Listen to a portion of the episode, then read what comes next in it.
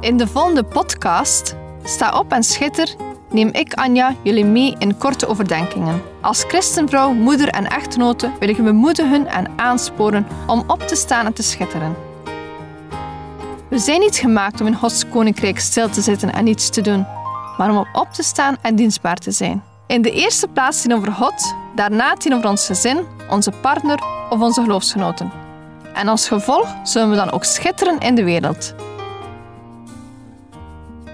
Neem je Bijbel bij de hand, want zonder Bijbel zijn we als een kok zonder eten of een zanger zonder stem. Dus luister naar, sta op en schitter.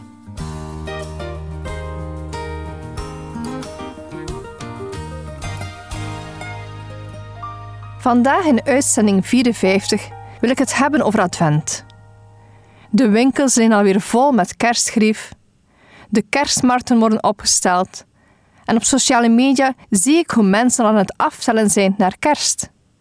In sommige gezinnen wordt er voor deze periode een adventskalender gebruikt. Die begint op de eerste adventszondag of op 1 december. Vaak bevat die voor elke dag een doosje of een luikje waarvan er elke dag eentje mag worden geopend door de kinderen. Er zit dan een chocolaatje of een klein stukje speelgoed in. De precieze oorsprong van de advent is onbekend. Men heeft juist rond 380 na Christus kerkelijke geschriften gevonden met verwijzingen naar advent. Het is pas vanaf de 5e eeuw dat er sprake was van adventsvieringen. De periode van advent is een tijd van groot contrast. Aan de ene kant zie je overal kerstverlichtingen opduiken. En aan de andere kant is het ook de meest donkere periode van het hele jaar. De ochtend begint laat, de avond vroeg en zelfs midden op de dag is het vaak nog schemerachtig. Alsof de zon er maar niet wil doorkomen.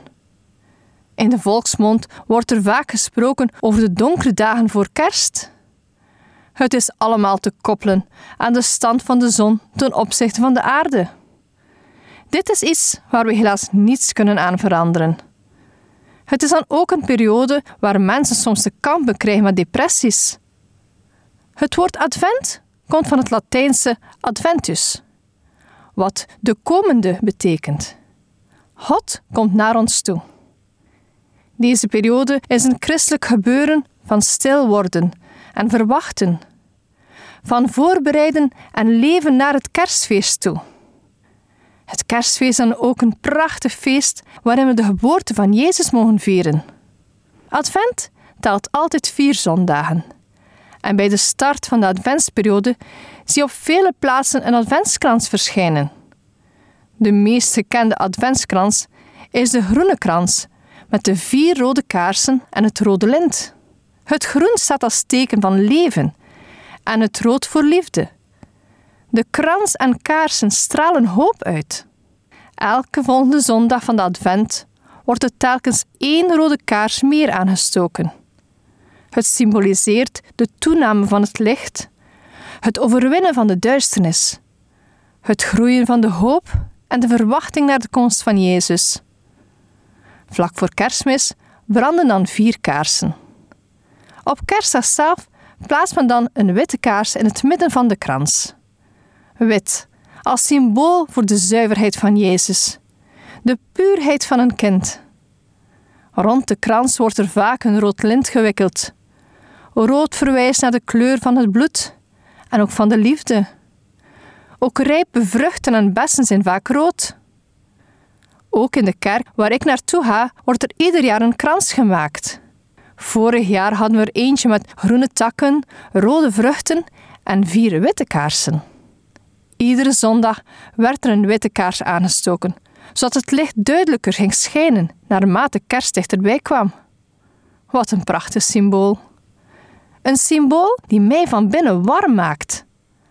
Alsof er een kaars in mij wordt aangestoken. God spreekt tot mij en vuurt mij aan om licht te geven in mijn wereld. Nog vijf weken en het is weer kerst. Jezus is het licht van de wereld. We lezen dit in Johannes 8, vers 12, waar er staat: Jezus dan sprak opnieuw tot hen en zei: Ik ben het licht der wereld. Wie mij volgt, zal beslist niet in de duisternis wandelen, maar zal het licht van het leven hebben. Jezus zei dus: Ik ben het licht der wereld. Neem vanmorgen even de tijd om aan de zon te denken. We hebben de neiging om het als vanzelfsprekend te beschouwen, omdat de zon elke dag daar in de lucht hangt. Zonder de warmte en het licht van de zon zou het leven zoals we dat kennen natuurlijk niet op aarde kunnen bestaan. De zon is essentieel. Maar het licht van de wereld is oneindig veel essentiëler. De zon is geweldig. Maar het licht van de wereld is oneindig veel verbazingwekkender. Jezus Christus is het licht van de wereld. Maar wat betekent dat?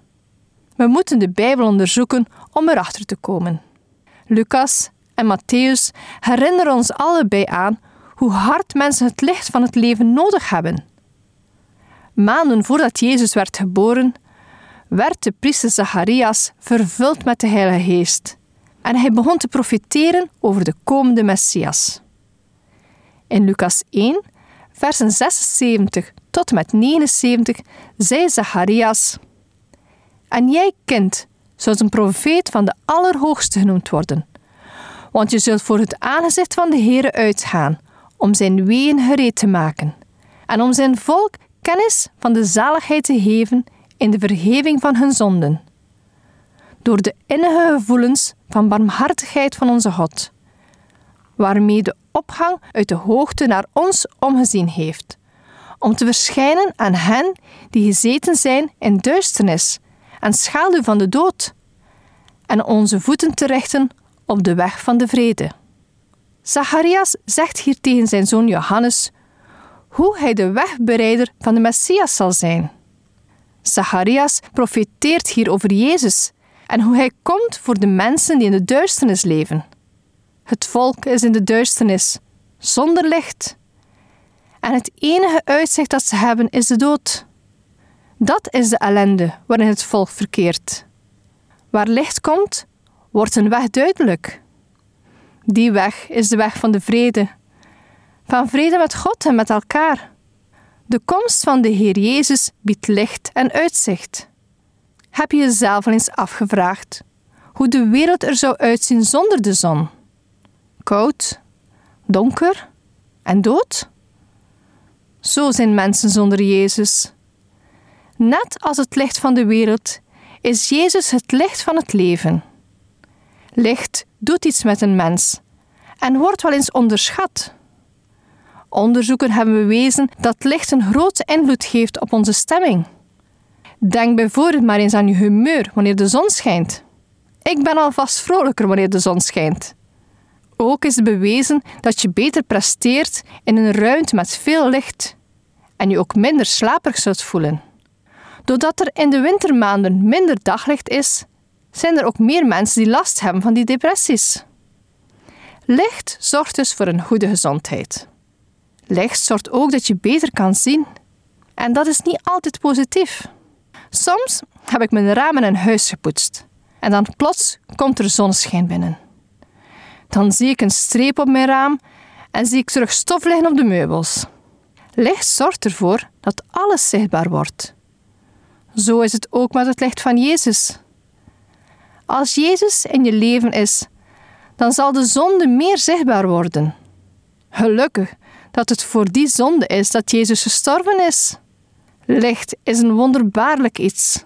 Zonder licht weten we niet hoe we veilig moeten wandelen, nog kunnen we de schoonheid om ons heen zien. Licht laat de dingen zien zoals ze werkelijk zijn. Het onthult de waarheid over onszelf en de wereld om ons heen. Licht is er ook om planten te laten groeien. Dat kun je zien aan de serres die s'nachts zijn verlicht. Dit is omdat wat erin gezaaid of geplant is, vlugger te laten groeien. Zo is het ook met ons geestelijke groei. Zonder het licht van Jezus kunnen we niet groeien. Advent is een tijd waarin we aftellen naar de geboorte van Jezus. Jezus die kwam om het ware licht te geven. Het licht die we zo nodig hebben om goed te kunnen functioneren. Zoals ik al zei, we hebben het licht nodig voor onze gezondheid. Het licht van Jezus. Er wordt van ons verwacht om in het licht van Jezus te wandelen en ook dat licht uit te stralen. Advent is dan ook een prachtige tijd om stil te staan bij het eeuwige licht van Jezus. Misschien steek je ook wel een kaars aan op de adventskrans. Laat deze dan schijnen voor je omgeving. Eigenlijk hoop ik dat deze periode van Advent een tijd mag zijn waarin je iedere dag een kaars mag laten branden, die licht mag geven in deze donkere wereld. Ik spreek hier niet over een letterlijke kaars, maar één die je in je hart laat branden. En dat mag gezien worden door mensen in je omgeving. Veel mensen zijn bezig met licht tijdens deze donkere periode, maar zijn niet bewust bezig met het eeuwige licht. Het is aan ons om het licht bekend te maken. Deel je geloof met vrienden, familie, buren en collega's. De kerstperiode is de ideale periode om naar Jezus te wijzen. We mogen uitzien naar kerst, de geboorte van onze redder. Hou dit mooie geschenk niet voor jezelf. Sta op en schitter tijdens deze adventsperiode. Deze podcast kun je steeds opnieuw beluisteren via de website en app van twr.be. Als je deze aflevering leuk vond en je wilt de podcast helpen ondersteunen, deel hem dan met anderen. Heb je gebed nodig of wil je reageren op deze uitzending? Zend dan gerust een mailtje naar anja.twr.be. Bedankt voor het luisteren.